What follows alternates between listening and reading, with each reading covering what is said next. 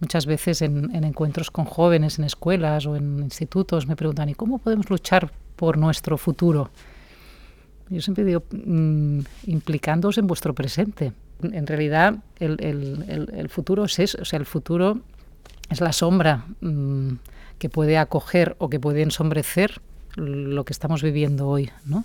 Es ahí donde no solo proyectamos, sino que continuamos, porque tenemos una idea de, futuro también muy productivista, ¿no? Es proyectar, producir, construir, los verbos con los que hemos arrasado el mundo.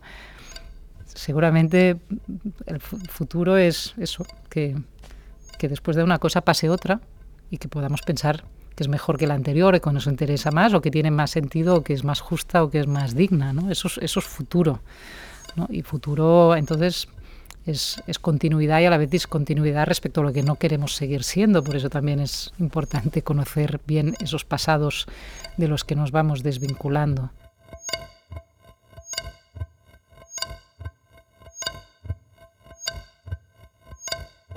Marina Garcés es filósofa, escritora y docente nacida en Barcelona.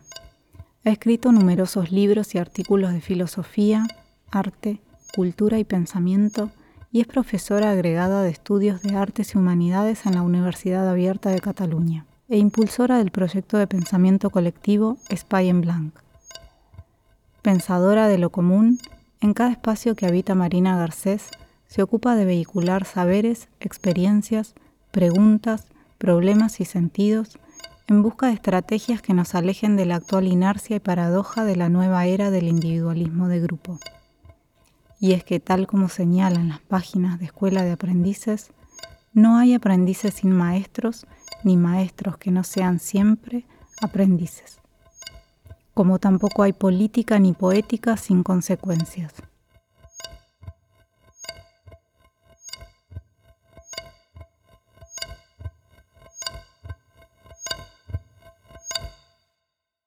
En este podcast conversamos con Marina Garcés sobre educación y conocimiento, sobre el futuro y la materia prima del tiempo.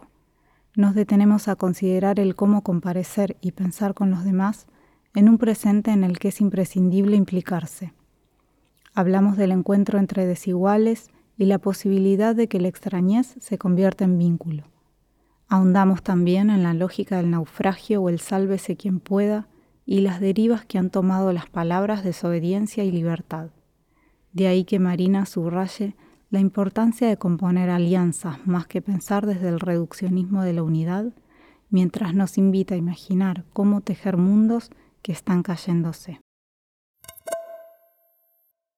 Cuando empecé a, mm, escribir ya realmente el, el libro, Escuela de Aprendices, me encontré bastante inesperadamente para mí empezando por esta, por esta entrada, por, por la vergüenza, ¿no? por la pregunta no tanto cómo aprender o cómo ser educado, sino un paso previo que es cómo comparecer, es decir, cómo poder hacerse presente entre otros, porque si hay que poder llegar a pensar con los demás, ¿no? con esos mundos que compartimos, hay que poder comparecer. Y de eso hacemos una experiencia constante en nuestras vidas. Por supuesto, el primer día que vamos a la escuela de pequeños es como el, bautismo de esa condición, de que ¿no? hay una obligación de salir de casa, de llegar a la escuela, de sostener la mirada si podemos, de no ponernos a llorar, de poner el nombre en la bata o en, el, ¿no? o en la mochila y, poder sostener el aquí estoy. ¿no? Y eso lo damos por descontado, pero es muy duro, ¿no? Es una, realmente es un tránsito muy, muy violento prometedor de muchas cosas si se vive bien y se acoge bien, pero muy violento. Y eso se repite constantemente en, nuestras vidas, en cualquier entorno, trabajo, afecto, relación. Estamos siempre volviendo a comparecer. A veces hay personajes que tienen muy claro su modo de aparición, ¿no? y siempre son el mismo, y siempre aparecen de la misma manera, y siempre son quien son, pero sabemos que esos son, son personajes que, que van con nosotros. Hay dos maneras de entender cómo comparecer. Una sería llegar a ser lo suficientemente adecuado o, adecuada para ocupar tu lugar, en la clase, en el mundo, en tu entorno, en tu familia, en tu, ¿no? Entonces el llegar a encajar bien sería, digamos, el resultado bueno de, de, un buen comportamiento, no solo obediente, sino de una buena ejecución ¿no? de, tu, de, tu, de tu ser, ¿no? de tu persona, de tu existencia. Y otra es partir, que es mi punto de partida, de decir, no, toda existencia está desencajada respecto a otras. Lo que hay son determinados códigos que imponen de, y, articulan y reconocen determinados modos de ser, que es precisamente aquello que podemos aprender a ver y a cambiar. ¿no? Pero no para adecuarnos mejor a otro, sino para acoger mejor e, ese desencaje que siempre somos, ¿no? incluso respecto a nosotros mismos. ¿no? Cada una también es una, existencia desencajada respecto a sí misma. ¿no? Yo pienso que esos personajes borrosos que a veces salen en, las películas de Woody Allen o en la literatura, ¿no? que nos dicen mucho en realidad acerca de lo que es existir, no ser uno o una, es ser una, una resonancia o una disonancia respecto a muchos elementos que nos componen.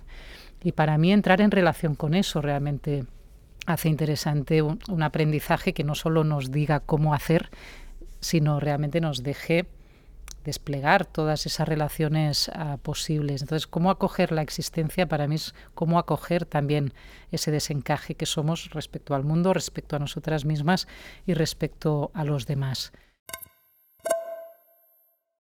También a veces hay ciertas pedagogías más más, más, más libres, más respetuosas, que simplemente reconocen y toleran la diferencia. ¿no? Pues tenemos un catálogo de, de, razas, de colores, de géneros, de maneras de ser, de entornos sociales, de, y bueno, aprendemos a reconocer, pero reconocer ya es volver a encajar incluso en tu diferencia, ¿no? Ah, tú eres el que viene del barrio de tal, y tú eres la que en tu casa se hace el ramadán, y tú eres la que no sé cuántos, y tú eres la que tiene dos mamás bueno, está muy bien, digamos, el respeto a lo que todo lo que no se ha respetado históricamente. Pero eso es volver a encajar en un. Entonces, y, obligar a ese que es reconocido desde ahí a ser eso. Y pienso que precisamente la escuela de aprendices es la que no debe obligarnos a ser eso o aquello, sino que nos permite movernos y componer o recomponer esos desencajes en modos que, que nos hagan posible eso, ¿no? Mm, existir, es decir, estar ahí afuera con nosotros mismos y, con nuestros mundos de una forma más significativa y más, y más, más justa, que quiere decir realmente más, más expuesta para mí a, lo que no sabemos de, nosotros mismos. Para mí es muy importante este, esta idea de los entornos de aprendizaje como aquello que, hace iguales a los desiguales, no porque los uniformiza, sino porque los da, ¿no? crea las condiciones para un encuentro entre iguales desiguales, ¿no? desiguales quiere decir en todos los sentidos, ¿no? que parten de un lugar o de otro y no se van a decir tú no puedes hablar porque no, ah, ¿no?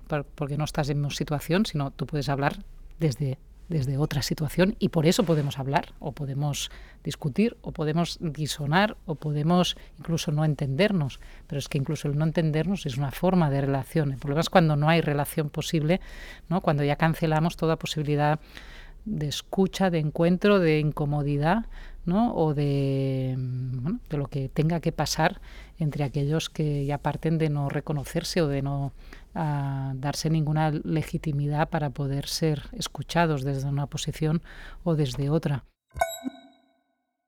Para mí el trabajo sobre las condiciones, los contextos, ¿no? la alianza de aprendices precisamente como no aquello que sucede entre los que se reconocen en una misma lucha, en un mismo mundo, en un mismo problema, sino precisamente como aquellos que precisamente porque se, se encuentran como extraños, tienen que aprender a construir esa relación.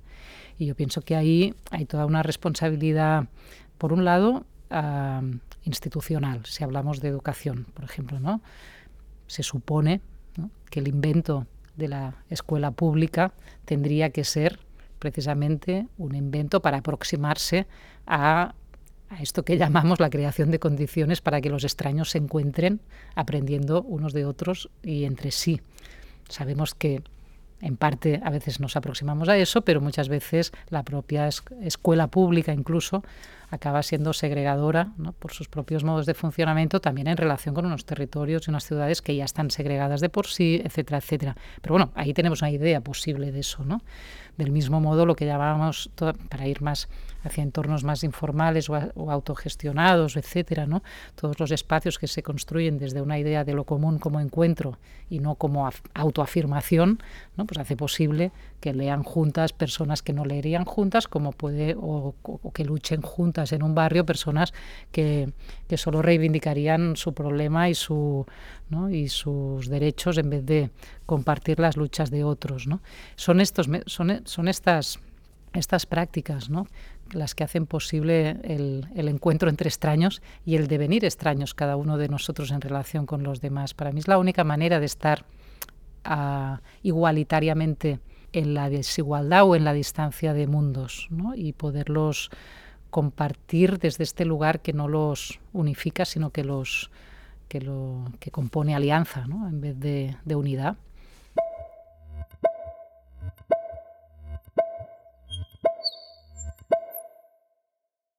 Esta idea de la educación como invitación es precisamente esta, ¿no? Uh, no pienses como yo, piensa conmigo, ¿no? no hagas como yo, haz conmigo, no dibujes como yo, dibuja, vamos a dibujar juntos, es decir, que no quiere decir ni igual ni del mismo modo, sino unos con otros, ¿no? Y el unos con otros es un modo también de pensar la relación entre iguales sin anular la, ni la diferencia ni la disparidad. Mm, eso es otro de los equívocos que se dan muchas veces en, pedagogías críticas y en sus efectos también perversos en las no críticas, que es hacer del grupo de iguales la única relación posible con el aprendizaje desde un, desde un, desde un discurso antijerárquico muy tramposo que anula el espacio y la relación de saber con el maestro, la maestra, eh, quien es igual, tenga el, ¿no? el, lugar que tenga entre nosotros alguien que nos aporta un, saber, está siendo cada vez más anulado en, virtud del, grupo de iguales que aprende juntos, porque ya tiene acceso al conocimiento, lo único que tiene que hacer es encontrarlo y, compartirlo. Y yo siempre digo, mmm, pienso que, no hay, yo no hay nada que desee más en la vida que poder estar gente cerca de personas que saben cosas, cosas de la vida, del planeta más remoto, de la cocina o de la ciencia más complicada. Es decir, y esa proximidad ¿no? A, la, a, la, a la riqueza común, que no es la que tenemos igual, sino que precisamente porque no la tenemos igual, nos podemos dar, Claro, uh, me parece que digamos, desprendernos de esto o caer en la trampa de que eso es sostener relaciones jerárquicas basadas en la verticalidad, en vez de entender, de entender que pueden ser relaciones basadas en la, en, la desigualdad de saber o de conocimiento, pero no en la desigualdad de, de relación y de vínculo, esto para mí es un, tema clave porque se está creando otra de estas trampas discursivas en las que nos parece que ser igualitarios es des, ¿no? des, desarmar ¿no? y, y, menospreciar de nuevo el saber de quienes saben cosas. ¿no? A nadie que se considere muy igualitario, muy uh, radical, le, le sonará mal decir he aprendido a cocinar este guiso con mi abuela o he aprendido a cultivar el huerto eh, con mis tíos, pero nos cuesta mucho decir he aprendido esta, no, no sé, es, esta, eh, esta corriente artística o estas uh, referencias literarias o he descubierto estos mundos de conocimiento. Con tal profesor o con tal maestra. Ahora es, esta relación parece de subordinación, parece jerárquica, parece de, desde la crítica a la, a la educación meramente transmisora de contenidos parece que no, que lo tienes que haber descubierto por ti mismo o por ti misma, ¿no? En todo caso con otros, pero no, ¿no? ¿Quién? Y yo pienso, poder darnos ¿no? y, y, agradecer desde el lugar de poder compartir precisamente ¿no? y de entender que todo, ¿no? que cualquiera que enseña aprende y, el que, y cualquiera que aprende enseña. Pero eso no quiere decir que tengamos que partir de hacernos todos tramposamente ignorantes. ¿no? Y aquí también hago una pequeña crítica a, ciertas derivaciones del maestro ignorante de Rancière, ¿no? que se ha convertido a veces en una, una figura tramposa cuando se, se, saca de contexto de su propio argumento, como uh, casi como aval de esa figura de que, el, de que el profesor no tiene que saber nada. ¿no? El profesor tiene que saber cuanto más mejor. otra cosa es cómo comparte y cómo invita a hacer de ese saber una, un camino de, de emancipación para otros. Yo prefería dar las, pistas y las nociones, las sensaciones, porque también hay muchas escenas cotidianas, concretas, de estas de estos medios, de estas composiciones, de estos tejidos posibles en el que aprender unas de otras o aprender juntos es posible, que no ponerle una categoría, un rótulo o una sola definición o tradición. También porque pienso que se han dado, mm, tradiciones reconocibles. Yo invoco aquí desde Deligny a Mary Wollstonecraft, a, pedagogías activas en Cataluña, a, ¿no? todo un magma de experiencias que tenemos reconocidas en la historia de la pedagogía radical, es la educación, la educación popular, la educación feminista, pero si, si, si olvidamos precisamente que la alianza de los aprendices se da también ahí donde no se ve, ahí donde no hay rótulo ni categoría, ni muchas veces un movimiento explícito ¿no? que se reconozca como tal y que, y que muchas veces estas experiencias anónimas, mm, olvidadas por la historia de maestras, yo invoco también la, las figuras de mis maestras más anónimas, quizá de las menos importantes en términos de, no sé, de disciplina ¿no? y de nombre en mi propio recorrido como alumna o como estudiante.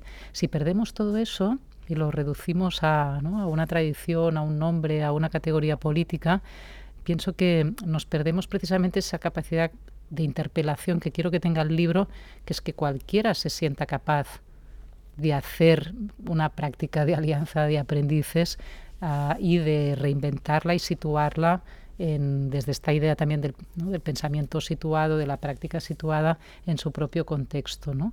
Y entonces es si seguimos con la idea de que toda educación es, es una invitación, ¿no? también pienso que la, la, hacer escuela de aprendices tiene que ser una invitación a, a, a eso, ¿no? A, a, inventarla, a tejerla, hacerla posible ahí donde, donde, donde esas alianzas se, sean posibles, incluso desde el más extremo anonimato y desde la invisibilidad más, más bueno, Mm, más íntima, ¿no? Incluso. Y mm, bueno, esta es un poco la razón por la que no doy solo unos nombres, ¿no? Sí que doy pistas y posibilidades.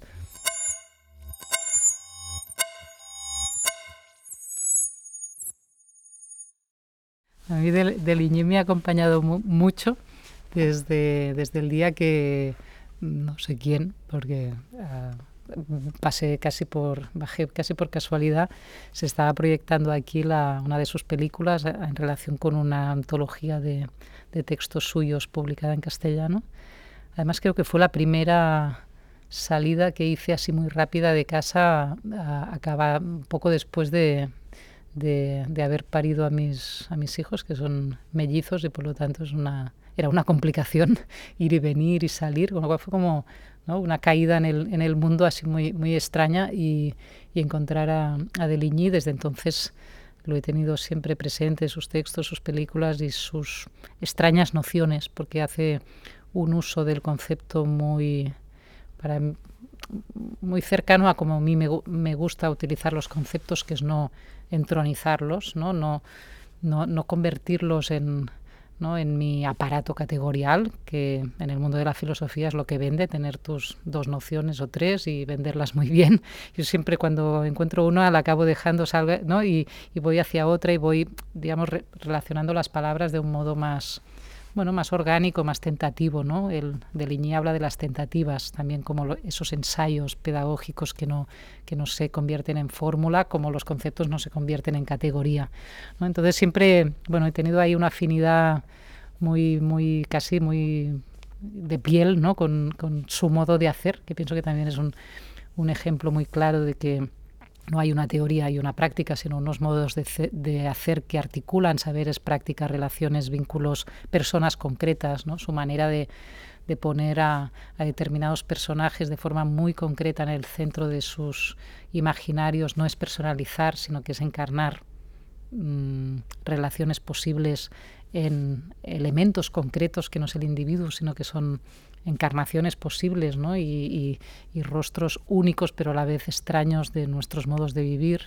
Y bueno, desde ahí esa sintonía pienso que, que es muy, muy rica en, precisamente en pistas, ejemplos, sensaciones e ideas para, para, pensar estos mundos, digamos, siempre a punto de, de caerse, ¿no? como son los nuestros y aunque los suyos acaban siendo en un bosque que parece muy alejado de nuestros problemas contemporáneos, pandémicos, metropolitanos y, globales, pero para mí está pasando lo, mismo, ¿no? que es como, como tejer mundos que están cayéndose, ¿no? que están ahí haciendo de su precariedad su condición para acoger. Pienso que es una pedagogía de la acogida y para acoger sin reducir ni ni, ni pretender identificar nunca la extrañez del otro. ¿no? El otro puede seguir siendo un extraño, incluso con muchachos que no hablan ¿no? o no hablan como nosotros, pero ahí esa extrañez se convierte en vínculo. Y eso es para mí la escuela de aprendices.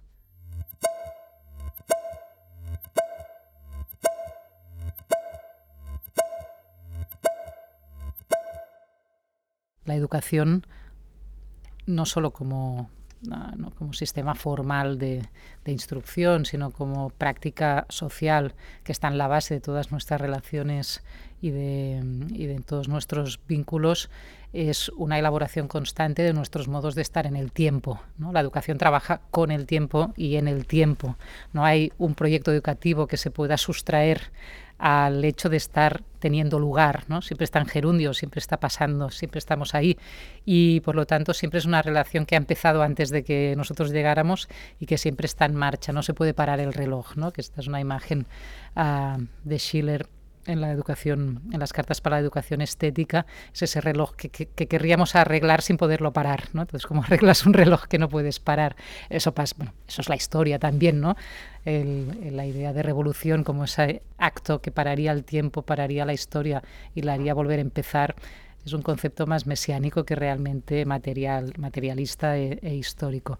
La educación está ahí, trabaja con el tiempo, pero precisamente a que no lo, pueda detener no quiere decir que no lo pueda reelaborar. Y yo pienso que una educación viva, ¿no? una pedagogía activa, aquella que realmente nos, nos implica como aprendices y no como uh, receptores de, de una, de una instrucción, pues sería aquella que precisamente nos permite reelaborar los tiempos a los que nos incorporamos y aquellos que estamos en los que estamos interviniendo y, los que estamos transformando. Es esa materia prima del, del tiempo, bajo muchas de las maneras como actualmente lo que hacemos es, o lo que hace también este, este, este proyecto del, capitalismo global, es precisamente destruirlo constantemente. Esto lo hacen los medios de comunicación de una forma muy evidente, lo que llamamos actualidad. Es una manera de estar en el presente que lo que hace es destruir precisamente cualquier vínculo con lo pasado y cualquier imaginario de futuro que no sea por ejemplo, hoy mismo catastrófico, ¿no? Entonces rompe las, las, las, las no la linealidad, sino que rompe la, los vínculos entre lo que pasa, lo que ha pasado y lo que podría pasar, ¿no? Y por lo tanto nos quita capacidad de acción y de, y de relación con lo que ocurre. En la educación sucede muchas veces lo mismo, ¿no? Estamos ah, cada vez más invitando a, los alumnos, a los estudiantes a moverse también en ese presente continuo, a, a, responder a preguntas muy cortas, a proyectos muy específicos, muy aplicados, muy, de, muy basados en una inmediatez que desprecia por un lado la memoria, pero no la memoria con mayúsculas, que la podemos cuestionar de muchas maneras, sino la memoria precisamente como elaboración constante de sentido de eso que, de lo que participamos y que hemos recibido, ¿no? Somos receptores y receptoras de mundos. Ah, para empezar, del hecho de estar aquí vivos, ¿no? que ya ni siquiera es una decisión propia, después de las lenguas, lenguajes y maneras de vivir en las que estamos, y después de todo un legado que no hace falta museizar, sino que simplemente podemos mm, hacer vivo con nosotros si podemos intervenir sobre él. Claro, si nos quitan toda esa, toda esa posibilidad de relación, de vínculo y de acción, no solo sobre lo que somos nosotros en el presente, sino sobre todo aquello que va con nosotros y que podemos activar como, como pasados distintos de nosotras mismas ¿no? y, de aquello que nos sitúa en el tiempo de otro modo, que nos da otros referentes, que nos permite crear otras tradiciones, que nos permite retomar los materiales de, de, nuestro, de nuestro bagaje cultural de otros modos, tampoco hay transformación posible. ¿no? Entonces hay una, una crítica también aparentemente progresista o emancipadora a lo memorístico. Fijaos que incluso hoy, con la nueva ley de educación que se está preparando, uh, se, o sea, se sigue insistiendo en tenemos que acabar con una pedagogía basada en la memorización, en lo memorístico, y solo se habla de, de, una técnica que obviamente la memorización muerta no produce ningún aprendizaje con sentido, pero este no es el problema. Como cualquier otro tipo de enseñanza muerta no produce ninguna relación de sentido. El problema es que bajo esa trampa digamos que es fácil estar de acuerdo con que la memorización puramente uh, literal no produce nada, eh, se está también destruyendo ¿no? toda posibilidad de relacionarse de otros modos con lo, con lo pasado o con lo que consideramos uh, pasado. Por tanto, yo reivindico la memoria como esa relación viva con, ¿no? con lo que no somos nosotros ahora aquí en este presente y por lo tanto como también una posibilidad de de, activar esta, esta transformación.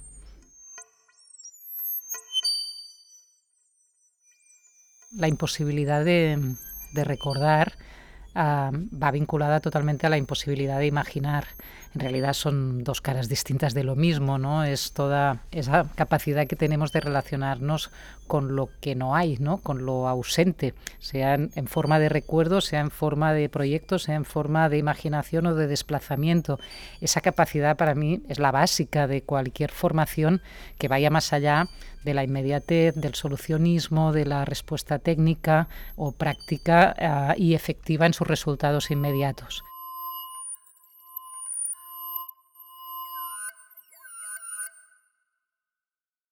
Trabajar con el tiempo es trabajar con todas sus dimensiones a la vez. No, no hay futuro en este sentido ¿no? de no podemos darnos ningún después, sino mmm, aprendemos a mirar de otro modo aquello que hemos recibido, aquello que podemos llegar a ser. ¿no? Y del mismo modo, si el presente solo nos da un mensaje de o juegas tu cartera de oportunidades o te caes, o te callas o no o obedeces, como estamos ahora en tiempos de pandemia, o solo te queda mirar el, espectáculo del apocalipsis y preguntarte ¿y yo qué puedo hacer?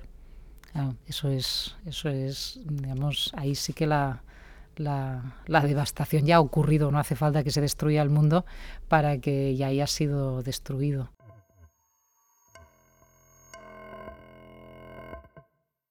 En este caso es una ficción muy poderosa, la de Un mundo sin nosotros, esto lo han escrito desde Viveiros, de Castro, etcétera, y está en la ciencia ficción, está en muchas producciones culturales que hoy nos están invitando a pensarnos o a situarnos en una residualidad respecto al mundo, es decir, somos los últimos, no sabemos cuántos seremos, pero que quizá estaremos sobre este planeta, por lo tanto, la por un lado, uno se uh, refuerza la lógica de la supervivencia y de la lucha por la supervivencia, cómo, cuándo y quiénes vamos a poder seguir estando aquí por cuánto tiempo y en qué condiciones. Por lo tanto, como es la lógica del naufragio, cuando un barco se hunde, pues el que puede subir más alto o tener el bote salvavidas, pues es el privilegiado. Y esto está constantemente uh, siendo narrado, proyectado, escenificado en nuestra relación con el mundo planeta, ¿no? entendido como,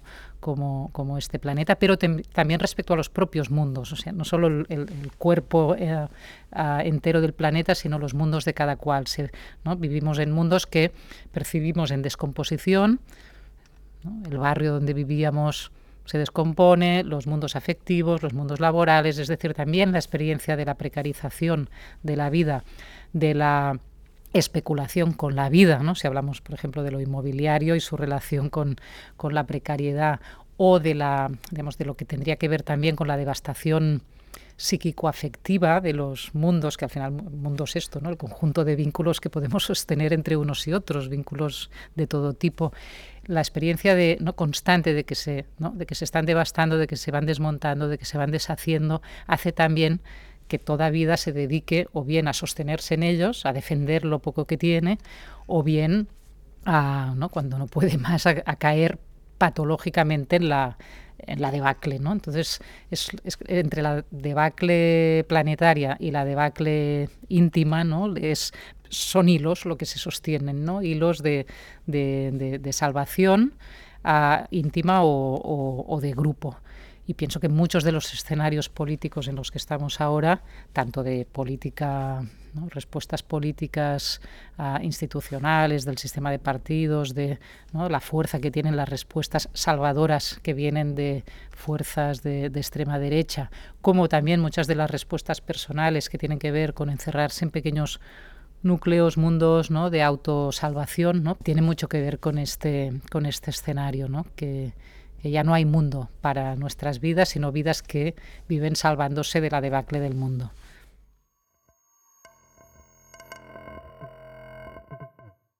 Sí, yo pienso que es muy interesante cómo hemos pasado de, de un individualismo del individuo, ¿no? o por lo menos que tenía el individuo en el centro y quizá era, digamos, por decirlo un poco en broma, pero un individualismo de de vacas gordas, ¿no? de, de, de, de tiempos, de, por lo menos de imaginarios de riqueza, ¿no? y por lo tanto el individuo, el, el, el que podía incluso ¿no? en estas grandes ciudades cosmopolitas, vivir por sí mismo, consumir solo para él mismo, sostener su propia vida económicamente hablando, pero también a nivel afectivo, a nivel relacional, a nivel cultural, sobre su, sobre su vida, el single ¿no? como paradigma de consumo, de vida, de éxito, ahora está siendo sustituido y pienso que tienen que ver dos cosas, la pandemia, pero también a digamos, las condiciones económicas de, de, las, de, de, las propias vidas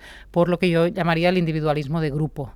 ¿no? Ya no tanto el, este individuo exitoso que puede vivir por sí mismo, sino precisamente el grupo que se protege de todas estas amenazas y peligros que, que cada vez más acechan a, a, cualquier vida hoy, sea por lo laboral, por lo uh, ¿no? por la vivienda, por las pandemias o por lo que uh, cada día nos pone en peligro. Entonces, este individualismo de grupo, que puede ser de grupo de mi, burbuja, los míos, mi familia, mis colegas, mi, mundo privatizado, mi mundo cerrado, se convierte para mí en el, nuevo imaginario de, que sigue siendo individualista, pero es un individualismo, digamos, colectivo, y, pero privatizado, ¿no? encerrado en aquellos que puedes reconocer como tu grupo de, apoyo, de sustento o al que defender.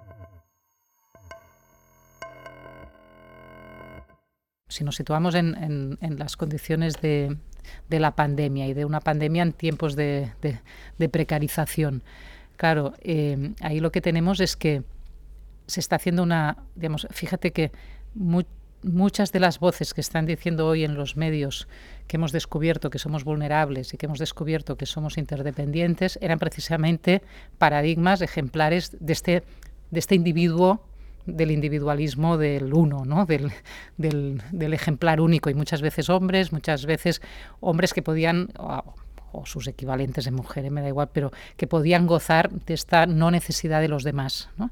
porque tenían garantizados sus recursos, sus entornos, sus espacios de vida y sus relaciones. Este individuo se ve amenazado y descubre que depende de otros, pero entonces se, se está haciendo todo un discurso de la, de, de la interdependencia que no parte de lo común, sino que parte de lo precisamente de, lo privado, ¿no? de privatizar esa interdependencia, es decir, con quiénes cuento para ahora defender mi espacio vital y desde un nosotros uh, hemos uh, testado, ¿no? para también tomar la metáfora sanitaria, es decir, uh, esos que nos podemos testar juntos, nuestra inmunidad, nuestras condiciones de vida, nuestras uh, relaciones, que nos podemos dar para sostenernos mejor. Entonces ahí hay una ambivalencia de, todos estos discursos que hacen que, bueno, que tengamos que ir muy en cuidado de quién dice qué, y cuándo, ¿no? Y cómo conceptos que vienen también de todos los paradigmas de pensamiento crítico, feminista, colectivo, etcétera, y que habíamos puesto nociones como la, de, el de vulnerabilidad o el de interdependencia en el centro de muchos modos de pensarnos, tanto uh, teórica como prácticamente, ahora ¿no? es el descubrimiento del, del individuo amenazado, es vulnerable y necesita de otros, pero ¿quién serán esos otros? ¿Hasta qué punto no serán amenazas para mí? Y por lo tanto, ¿cómo debo reconocer en quién me puedo apoyar o no, o a quién debo defender o no? Entonces, ahí estamos abriendo un terreno que, que pienso que es interesante escuchar con, con mucha cautela.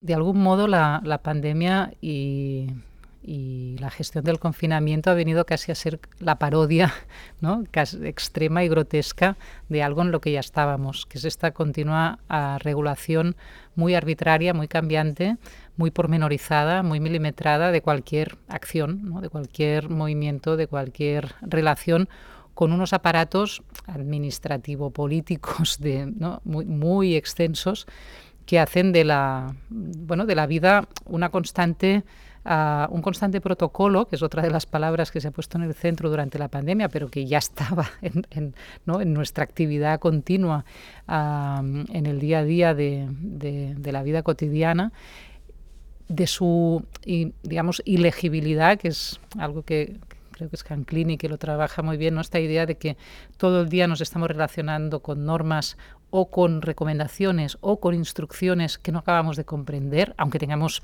todos los elementos de, for de, formación para poderlos entender, son incomprensibles, están hechos para que nunca sepas muy bien si, los, si lo estás entendiendo bien. ¿no? Eso se ha extendido a, cualquier, desde ir a comprar por internet y no poder leer el, ¿no? todo el, contrato que aceptas hasta mm, cosas que tienen que ver con decisiones graves sobre la, sobre la vida. Esto, claro, en el, en el confinamiento ha pasado, esto se ha convertido en una, ¿no? en una en un, casi en una escenificación paródica de que vivimos así, de que nunca llegamos a entender cuál, cuál ha sido la última norma, el último, uh, el último paquete de instrucciones y por lo tanto también de restricciones y por lo tanto también de penalizaciones y nos movemos en la en, ¿no? en, una incertidumbre que no viene de la vida, sino que viene precisamente de, esa, de ese pe peligro constante a que la desobediencia sea un fallo. Es decir, en realidad desobedeces porque has fallado a la hora de, ente de, entender, de hacer las cosas el día que tocaban, de llegar a tiempo no sé dónde, de entender que ahí no era ¿no? A, a, de esta manera que había que actuar. Entonces, claro, si fallar es desobedecer, ¿qué es desobedecer? ¿Qué es realmente transgredir o romper o conscientemente no querer acatar o, participar o estar en algún tipo de obediencia? Y, con la pandemia ha pasado lo mismo, ¿no? Los, únicos que han tenido claro su desobediencia eran, han sido precisamente eso que hemos acabado llamando negacionistas o también desde términos que son muy equívocos, pero que han tenido clara una posición precisamente de ese individualismo, ya sea del uno o del grupo, contra las, la, su implicación ¿no? en, en, en, las restricciones compartidas con otros, ¿no? porque se, pues se, podían permitir no tenerlas, es decir, desde la desobediencia como privilegio, que también es una, es, es, un fenómeno muy, muy, muy curioso, muy interesante y muy, y muy inquietante, porque entre la desobediencia fallo y la desobediencia privilegio, ¿no? realmente la acción política, política en un sentido básico de la palabra, consciente y colectiva o íntima y personal de no querer algo, ¿no? de poder decir no, de romper una, una obligación, ¿dónde está? ¿no? ¿Cómo se reconstruye? ¿Desde dónde nos la imaginamos y cómo la compartimos?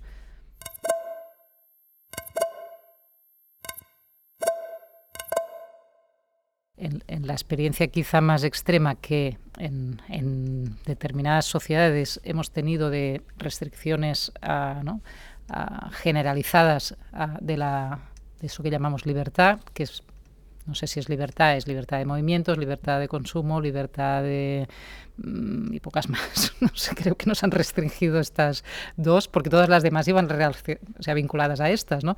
las, nuestras vidas afectivas, sociales, uh, etcétera, dependían de estas, básicamente de estas dos, ¿no? Entonces ahí hemos sentido limitada una libertad, pero que hemos podido ver que precisamente es una libertad de, digamos, basada en una, en una definición muy liberal de la libertad y que quienes han salido a defenderla, precisamente lo que han hecho, es aún extremar más esta noción liberal de la libertad al convertirla ya no solo en una, en una idea liberal de la libertad para todos, sino en una idea de libertad como mi privilegio de seguir ejerciendo mis libertades individuales a sabiendas de que otros no las pueden ejercer. Por ejemplo, quienes viven en barrios hacinados o muy densos y que uh, mantenemos uh, perimetrados o encerrados, como ha ocurrido en, en, los conflictos, por ejemplo, entre barrios en, en, Madrid durante el, durante el confinamiento. Entonces ahí todo el, ¿no? todo el conflicto político en torno o a través de la noción de libertad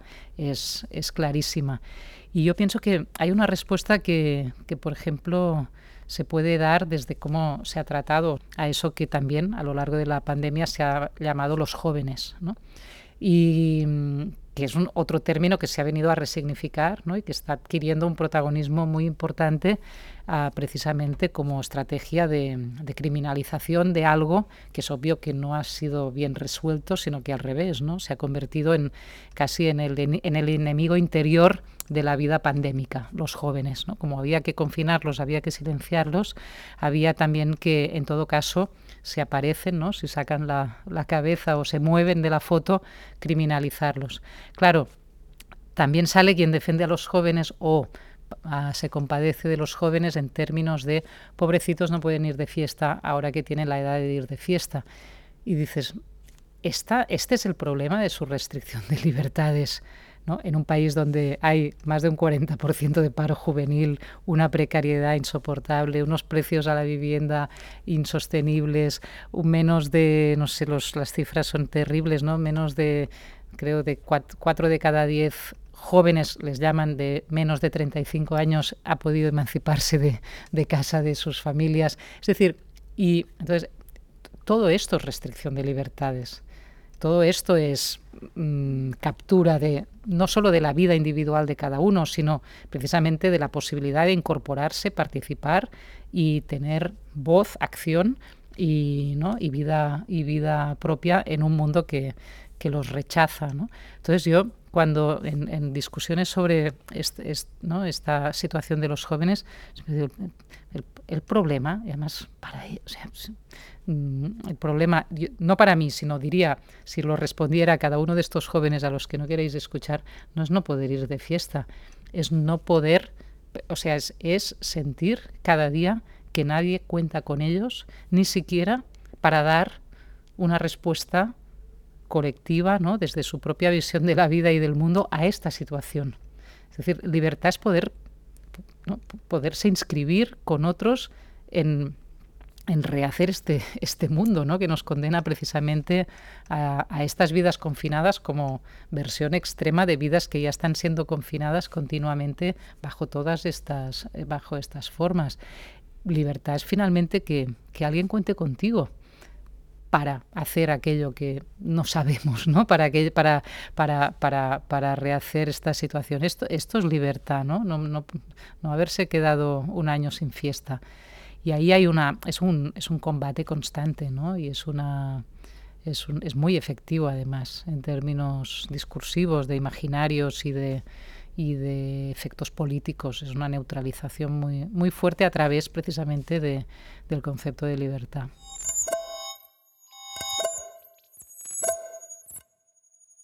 La experiencia de la educación a, distancia, que tradicionalmente, tienes muchas formas, desde la antigua educación por correo o la educación popular por televisión, por radio, ¿no? Ha habido muchas maneras de, salvar el espacio y el tiempo en la práctica uh, educativa. Claro, es una experiencia de una, digamos, de hacer de la distancia una oportunidad para acceder a aquellos o aquellas que por disponibilidad o por su lugar de, de, vida pues no, no, tienen acceso a los centros donde están las instituciones del conocimiento, escuelas, universidades. Esto es la digamos, ahí se hace una experiencia de la, de la distancia como oportunidad de encuentro. Claro, ahora lo que hemos vivido es la distancia como imposición como restricción y casi en muchos casos como condena al aislamiento y a la soledad. Entonces, como es una, claro, es una es una inversión, ¿no? De casi en todos los términos de lo que es la, experiencia de la, de la, distancia. Que la distancia, ya digo, ¿eh? no solo espacial, es, es, espacio-temporal, ¿no? No podemos estar juntos en el mismo sitio en el, en el, mismo, en el mismo tiempo. Entonces, claro, cuando, cuando se parte de que, de que la distancia no es un obstáculo, sino una condición para otras formas de aprendizaje, se desarrollan un tipo de estrategias, de herramientas, de metodologías muy distintas a las que se han puesto en marcha de forma ¿no? urgente y en muchos casos muy irreflexiva cuando nos hemos visto, confinados en la, pandemia, donde simplemente ha habido una reacción a sustituir la distancia por un canal, digamos casi, por un sucedáneo de presencialidad que ha sido la, bueno, la tiranía de la videoconferencia, ¿no?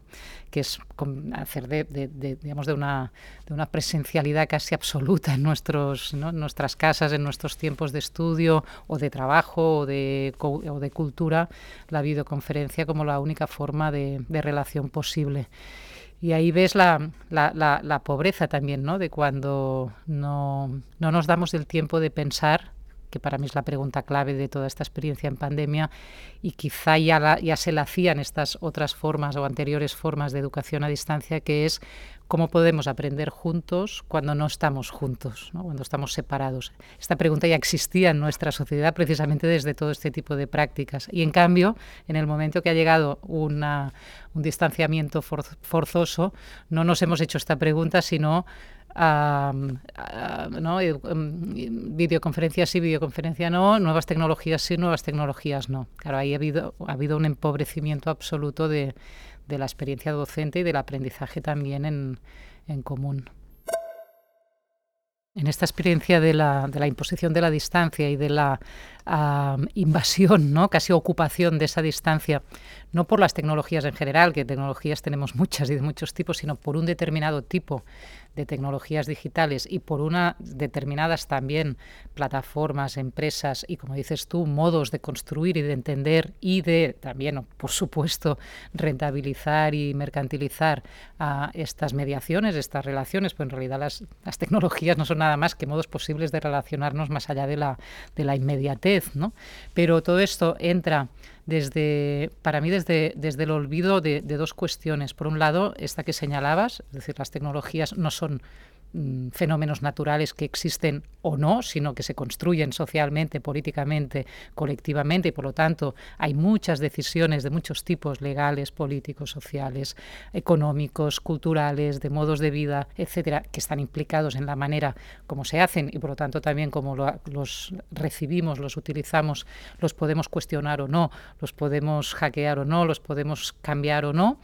Esto es como que ha desaparecido de, de, la cuestión, excepto los sectores ¿no? que siempre han estado militando en estas cuestiones y que siguen ahí, pero no ha dejado de ser una cuestión común como lo podía ser en los años 90 cuando empezó Internet, ¿no? con todo el movimiento del software libre, que no era para especialistas ni para sectores cerrados, sino que realmente se convirtió en una cuestión política muy, muy amplia y también política como, como realmente una pregunta común de, de, de una parte amplia de la, de la sociedad, del mundo educativo, del mundo académico, del mundo cultural, etcétera. Esto a mí me impresiona que estemos en este punto, digamos, de, olvido de esta cuestión y de dar por supuesto que lo único que podemos responder es con un más o con un menos mm, respecto a ¿no? más móvil, menos móvil, más tecnología, menos. No es un problema de más o menos o de sí o no, sino de cómo, ¿no? con quién y para qué. Y luego esta restricción también de la cuestión de lo tecnológico a las tecnologías digitales, de la comunicación, redes sociales, etcétera. Ah, hay muchas más. Aquí estamos haciendo radio, radio que después se, radio que después se, escuchará o no a través de plataformas digitales, de podcast o de lo que sea, pero no tenemos esa riqueza común, colectiva, que es todo digamos, el archivo cultural, ¿no? el gran repertorio cultural, tanto de medios como de archivos ¿no? ya concretos, como de posibilidades de recepción. ¿no? no todo el mundo tenía conectividad suficientemente buena en las casas como para estar haciendo educación online, pero casi todo el mundo tiene o una radio o una televisión o un o, bueno o un buzón de cartas no para recibir postales escritos y dibujos de sus compañeros de clase por ejemplo no por qué lo redujimos todo a nos quedaremos pobres si no tenemos acceso a Internet o seremos ricos y privilegiados si tenemos una buena banda ancha. ¿Por qué no pusimos, no? activamos precisamente toda esa gran a digamos, ese gran repertorio cultural que tenemos archivado en las bibliotecas, que tenemos archivado en las mediatecas de, ¿no? de todos nuestros, incluso los medios de, de, comunicación públicos, ¿no? poner los archivos de radio, por ejemplo, a funcionar todo el día en, en, en, a disposición de una mejor educación, por ejemplo, de los maestros y maestras. Son cosas que, que te das cuenta, ¿no? Lo, cómo siempre es la pregunta la que indica el camino, ¿no? Y si, y si, y si partimos de una mala pregunta o de un problema mal enfocado, todo el problema es la conectividad, encontraremos malas respuestas, que es que hay que poner, ¿no? mandar ordenadores y, conexión a todas las casas. Ya se veía que esto no se alcanzaría, ¿no? Y mientras tanto nos estamos perdiendo todo lo que no hemos puesto a disposición por supuesto que las malas preguntas siempre tienen malas intenciones detrás, ¿no? Y está claro que esta, este confinamiento era una gran oportunidad para un determinado tipo de empresas y de modos de también construir esta subjetividad confinada y, y, casi capturada ¿no? en su único cordón umbilical con el resto del mundo. Si tenemos más, somos más, más capaces de, de hacer unos con otros uh, una experiencia distinta de las cosas.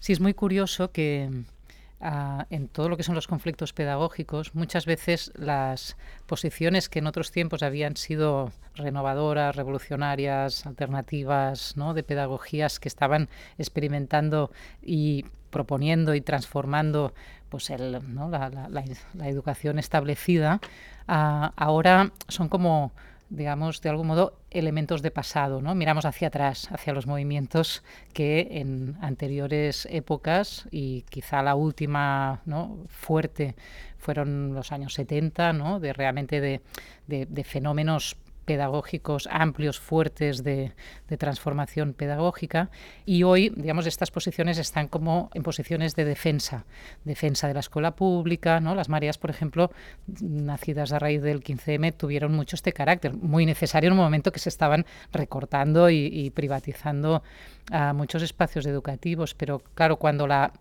cuando la transformación queda convertida en defensa de lo conseguido en, en, momentos anteriores.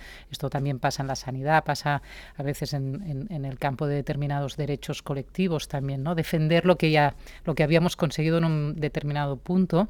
La pregunta es ¿y quién está mirando hacia adelante entonces, no? Porque de, de algún modo estos movimientos quedan capturados en una mirada hacia atrás y en una defensa de, de, lo, que, de lo que había.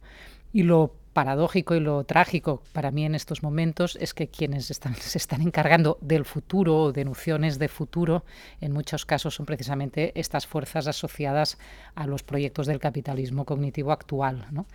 Palabras, términos clave como innovación, que es un término clave del, del capitalismo contemporáneo, ¿no? que convierte la novedad en un valor continuo de, de, mercado y de, y de, valorización, no solo de, mercado, ha entrado como cuestión clave en la educación cuando quienes miran hacia adelante en clave de, futuro son sobre todo pues estas, estas fuerzas inversoras, especialmente bancos y, empresas de la comunicación, como aquellas que están invirtiendo, que no quiere decir solo poniendo dinero, sino poniendo ideas, subjetividades, personas, expertos, recursos y sobre todo yo pienso no tanto en Europa, sino mirando hacia el conjunto del mundo, que es donde están las, población, las poblaciones jóvenes y aquellas que tienen más futuro, en un sentido también de, capital humano, ¿no? en estos términos. ¿no? Entonces, cuando muchas veces nos quedamos apresadas en, defender la escuela que había, ¿no? En, esas, en esos paradigmas un poco resistencialistas, yo digo, no, es que la escuela no, no, tenga futuro, es que la están construyendo otros y muy rápido, ¿no? y están yendo muy rápido. Quizá desde Europa no es el mejor lugar donde verlo porque hay unas estructuras aún aunque estén precarizadas, pero de lo que ha sido la, la, escuela, la escuela pública, que bueno, cuesta más de mover, pero si miramos al conjunto de, de lo que es el, ¿no? el, el, este, este proyecto global y cultural y cognitivo del capitalismo, pues es clarísimo que, digamos, que la escuela Google por llamarla de algún modo, ya está en marcha, ¿no? Y está pescando talentos allí donde los encuentre, ¿no? Y está creando este tipo de puertas de acceso a una escuela sin puertas ni ventanas, ¿no? Que quizá además recupera términos de todo lo que es la, digamos, el lenguaje ¿no? y el discurso antiinstitucional, antijerárquico, que venía de movimientos pedagógicos críticos y que en cambio lo pone al servicio de, este, de, este gran, de esta gran escuela neoliberal.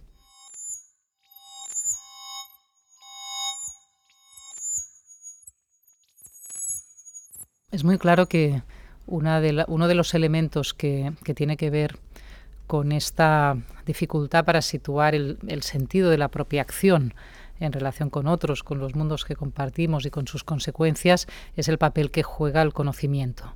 Entonces, digamos, tradicionalmente en las sociedades que llamamos modernas, pero bueno, digamos, en, lo que reconocemos como ciertas ah, ideas acerca de que más acceso al conocimiento, es, digamos, condición para una mayor emancipación de clase, de género, personal, colectiva y que por lo tanto a abrir esas, esos monopolios sobre el conocimiento que han tenido históricamente determinadas instituciones, antiguamente la Iglesia, la, aristocracia, etcétera, actualmente determinadas corporaciones, mundos económicos, etcétera, es condición para crear condiciones de igualdad en la decisión, en la conciencia y por lo tanto en la acción. ¿Qué pasa cuando en una sociedad como la nuestra las puertas de acceso al conocimiento y a la información están relativamente abiertas, no digo absolutamente abiertas porque no sería cierto, pero están relativamente abiertas, nos dan las llaves. Podéis, podéis consultar lo que queráis en Internet, tenemos bibliotecas públicas, tenemos más o menos escuela pública, tenemos, etcétera. Es decir, el acceso es desigual, pero ya no, ya no es el problema. El problema es otro, entonces, es qué relación podemos tener con ese conocimiento disponible y con esa información disponible.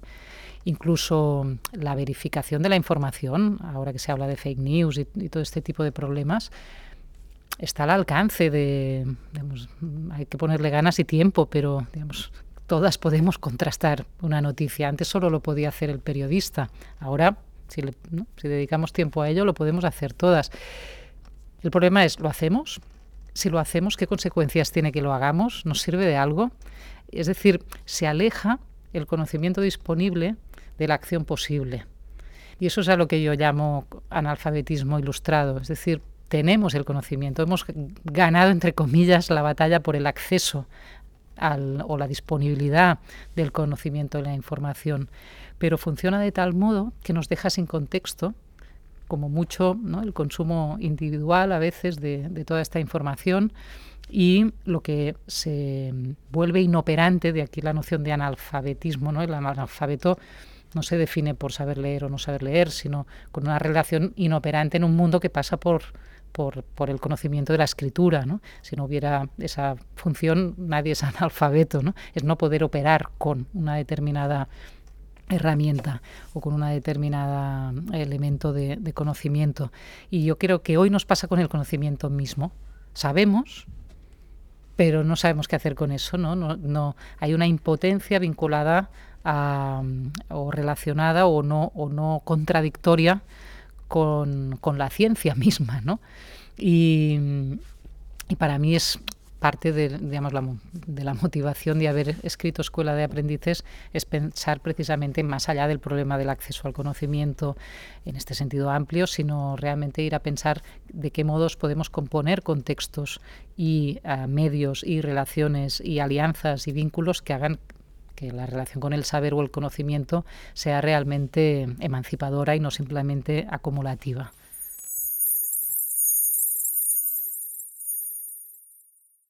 Emancipación sería poder llegar a, pensar por uno mismo o por una misma y Kant decía sin tutela de otros, ¿no? Y se refería a esa, digamos, a, a, esa posibilidad de prescindir de la tutela, ya sea política, sobre todo religiosa, por el debate del momento, de la propia conciencia. Bueno, este es, este es un combate, ¿no? ¿Quién nos tutela cuando pensamos en unas sociedades o en otras y qué hacemos para no ser tutelados? Pero a mí me interesaba otra, ¿no? Que es, y ese llegar a pensar por uno mismo o por una misma, ¿qué quiere decir? ¿no? Y ese, ese, ese sostener el uno mismo, la propia conciencia no tutelada, no quiere decir llegar a sostener una conciencia desvinculada. Y entonces, para mí, por eso también está toda la parte sobre la conciencia y qué significa elaborar una conciencia. Una conciencia no es ser llegar a poder ser soberano de tu, de tu propio pensamiento, de tu propia mente, sino poder inscribir tu posibilidad de pensar en un mundo que haga sentido con otros. Entonces ahí, en esa también definición de la, de la emancipación como, como vínculo, o antes decíamos de la libertad como, como inscripción, ¿no? como posibilidad de estar con otros rehaciendo el mundo, eh, ahí pienso que, que se da un giro que precisamente es el que devuelve el concepto de emancipación no a su, a su evolución individualista y, y, propietaria, en el fondo, ¿no? de ser propietario de tu propia vida, pensamiento y acción, sino al revés, ¿no? De, de, no ser tutelados no significa no estar vinculadas y por lo tanto cómo hacer de ese vínculo la práctica de una, de una emancipación posible.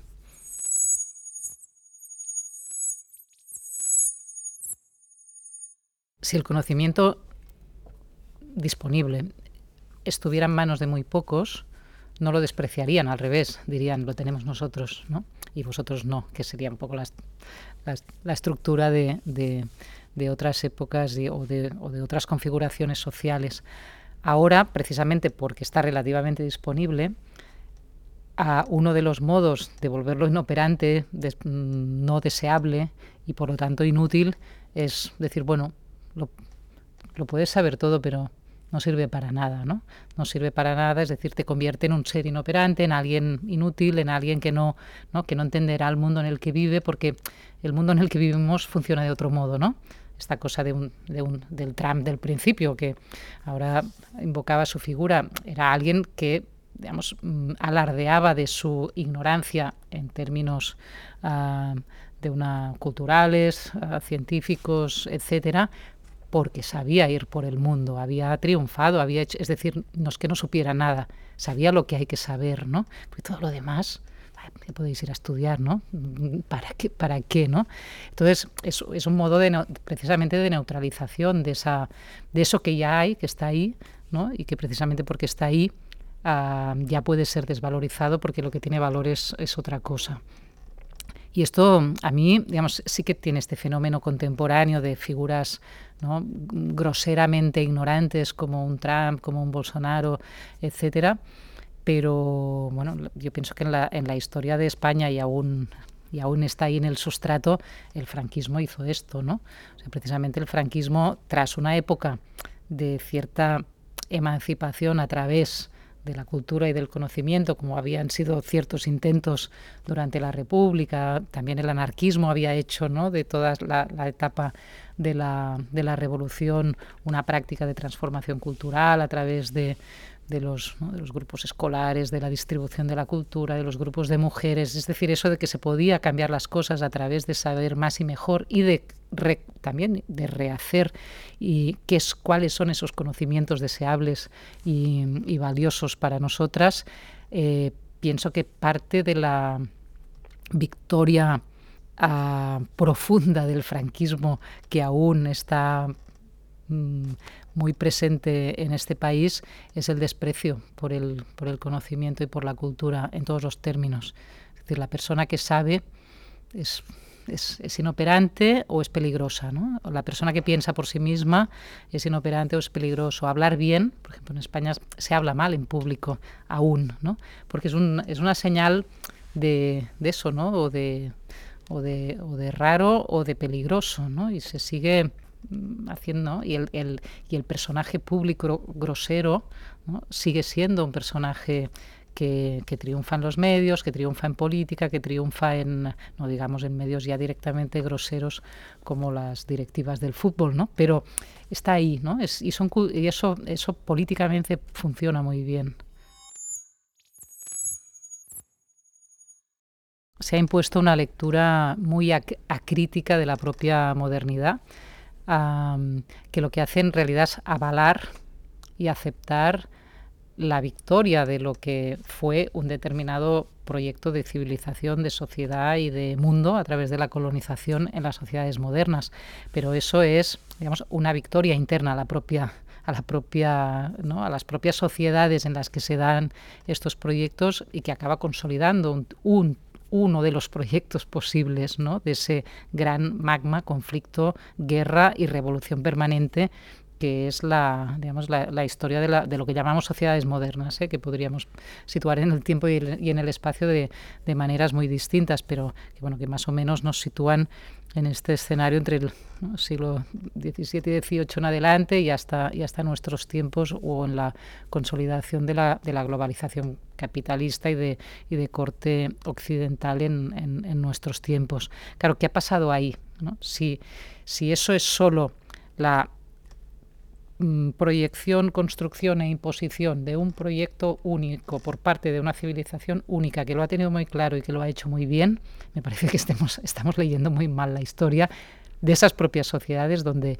una se ha matado a mucha gente para poder imponer este proyecto en términos de clase, de género, de culturas, de lenguas, de modos de vidas dentro mismo de lo que llamamos Occidente y las sociedades occidentales, es decir, es una victoria de unas determinadas clases y proyectos de civilización y es una derrota de muchos, es decir, la derrota de muchos y de muchas también está ahí, y la batalla por la, por la emancipación no ha dejado de estar dentro y en contra de este mismo proyecto de civilización que llamamos las sociedades modernas occidentales. ¿no? Entonces, por un lado, me parece que es una lectura reduccionista, pobre e injusta con todos los vencidos y vencidas de este mismo proyecto de, civilización dentro y fuera de, de sí misma. ¿no? Entonces, las revoluciones perdidas, ¿no? las batallas vencidas, los proyectos de emancipación, tanto política como de género, como a, culturales, como educativas, que han estado. Mm, funcionando realmente dentro y en contra de esto que reconocemos como la modernidad, y no dentro y en contra por reaccionarias, sino dentro y en contra porque había otros proyectos y otros modos de entender la emancipación y lo que era des, uh, ¿no? deshacerse de unos determinados modos de dominación, pienso que ahí hay mucho por escuchar y mucho por escuchar precisamente en alianza y en, y en, y en reciprocidad con aquellos que consideramos los otros ¿no? de la modernización occidental, es decir, las civilizaciones, pueblos y territorios colonizados, etcétera, etcétera. ¿no? Podemos pensarnos desde ahí ¿no? y no desde este binarismo de, del mismo y el otro, en realidad, que es muy, es muy pobre en, en, la manera de explicarnos las cosas. Y ahí pienso que entonces digamos, ya no nos hace falta solo pensar digamos, desde el dentro y el fuera, desde el mismo y el otro, desde la victoria o la derrota, sino qué sentidos uh, poco más a la manera de Benjamin, ¿no? Que, cuáles son Esas, esos sentidos de la emancipación, esas prácticas de la emancipación, esos cuerpos de la emancipación que siguen ahí en nuestras cunetas, ¿no? en, en los cementerios sin monumentos de nuestra propia historia, que entonces podemos entender como común con muchas otras.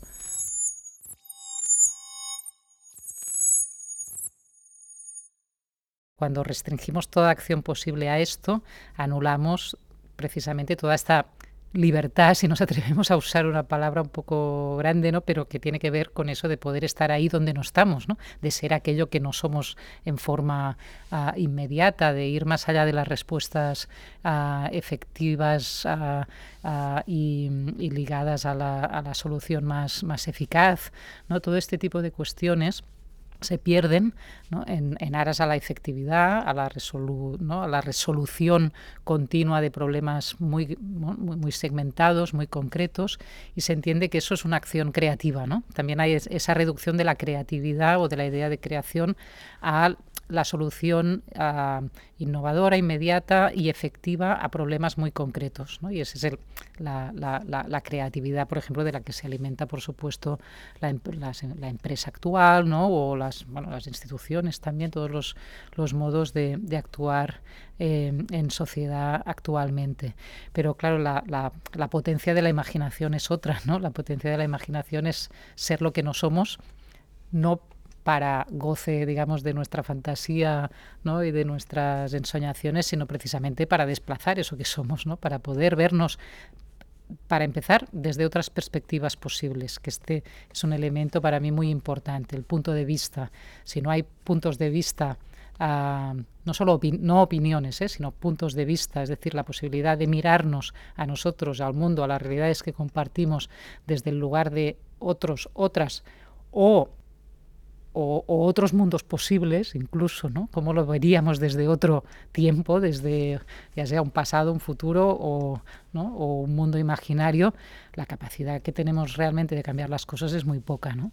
Entonces, yo pienso que tenemos un sistema no solo educativo en el sentido escolar, ¿eh? sino cultural en general, hiperactivo, que anima a la acción constante, a la actividad constante, a la respuesta constante, a la comunicación constante, a la, a la necesidad de inventar, de actualizar, de reinventar constante en unos marcos muy estrechos. ¿no? Y precisamente desde, un, desde, una, desde unos códigos que lo que no permiten es precis precisamente imaginar que todo esto podría ser de otro modo. Entonces ahí queda la, la imaginación, queda cancelada, aunque se apele mucho a la creatividad.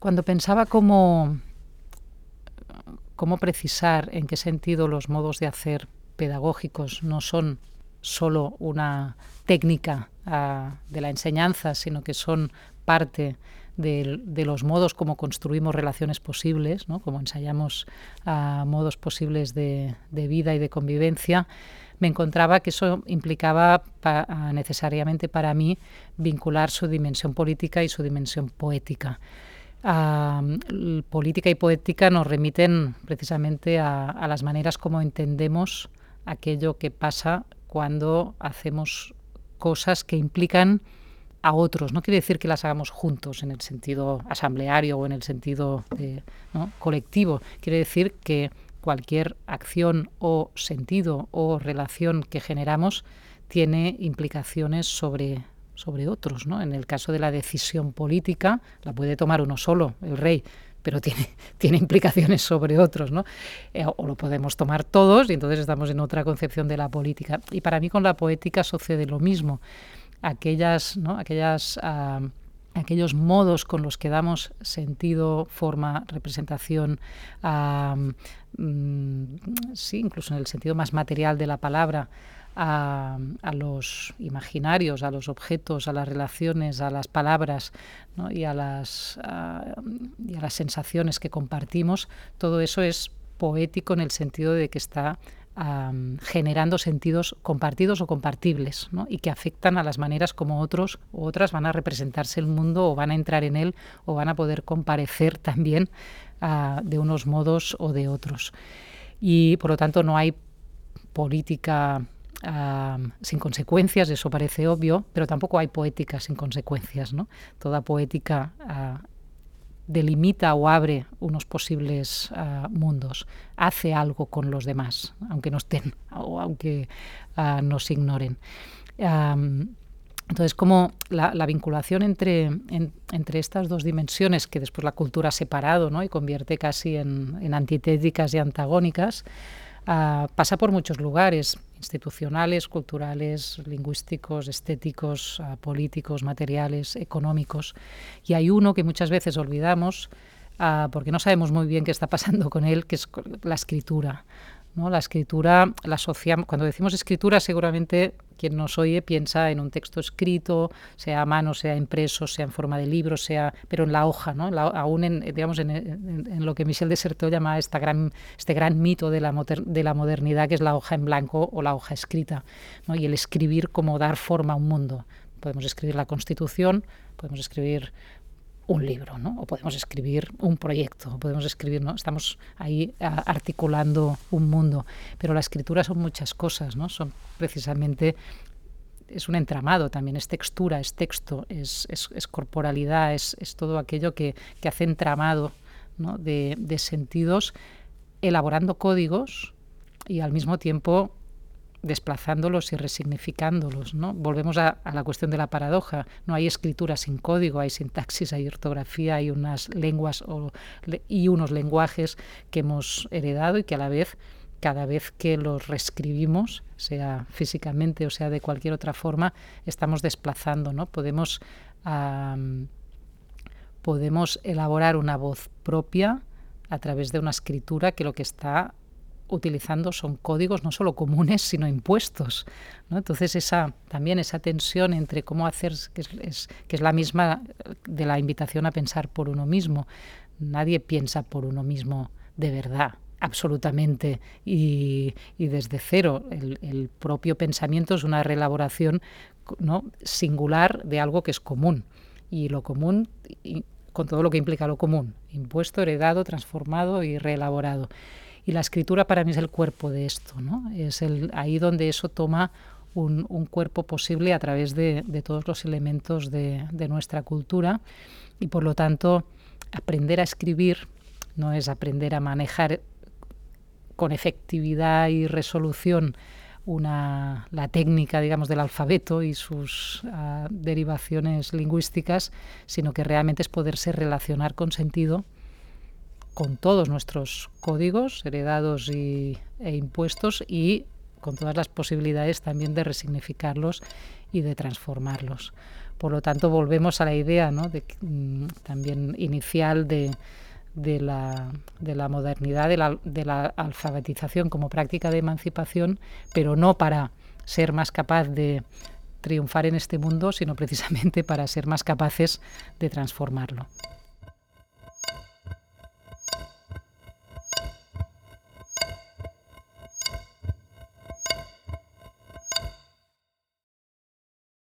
Bueno, si no quieres eso, dominar el punto final, pues queda abierto, porque claro, queda como...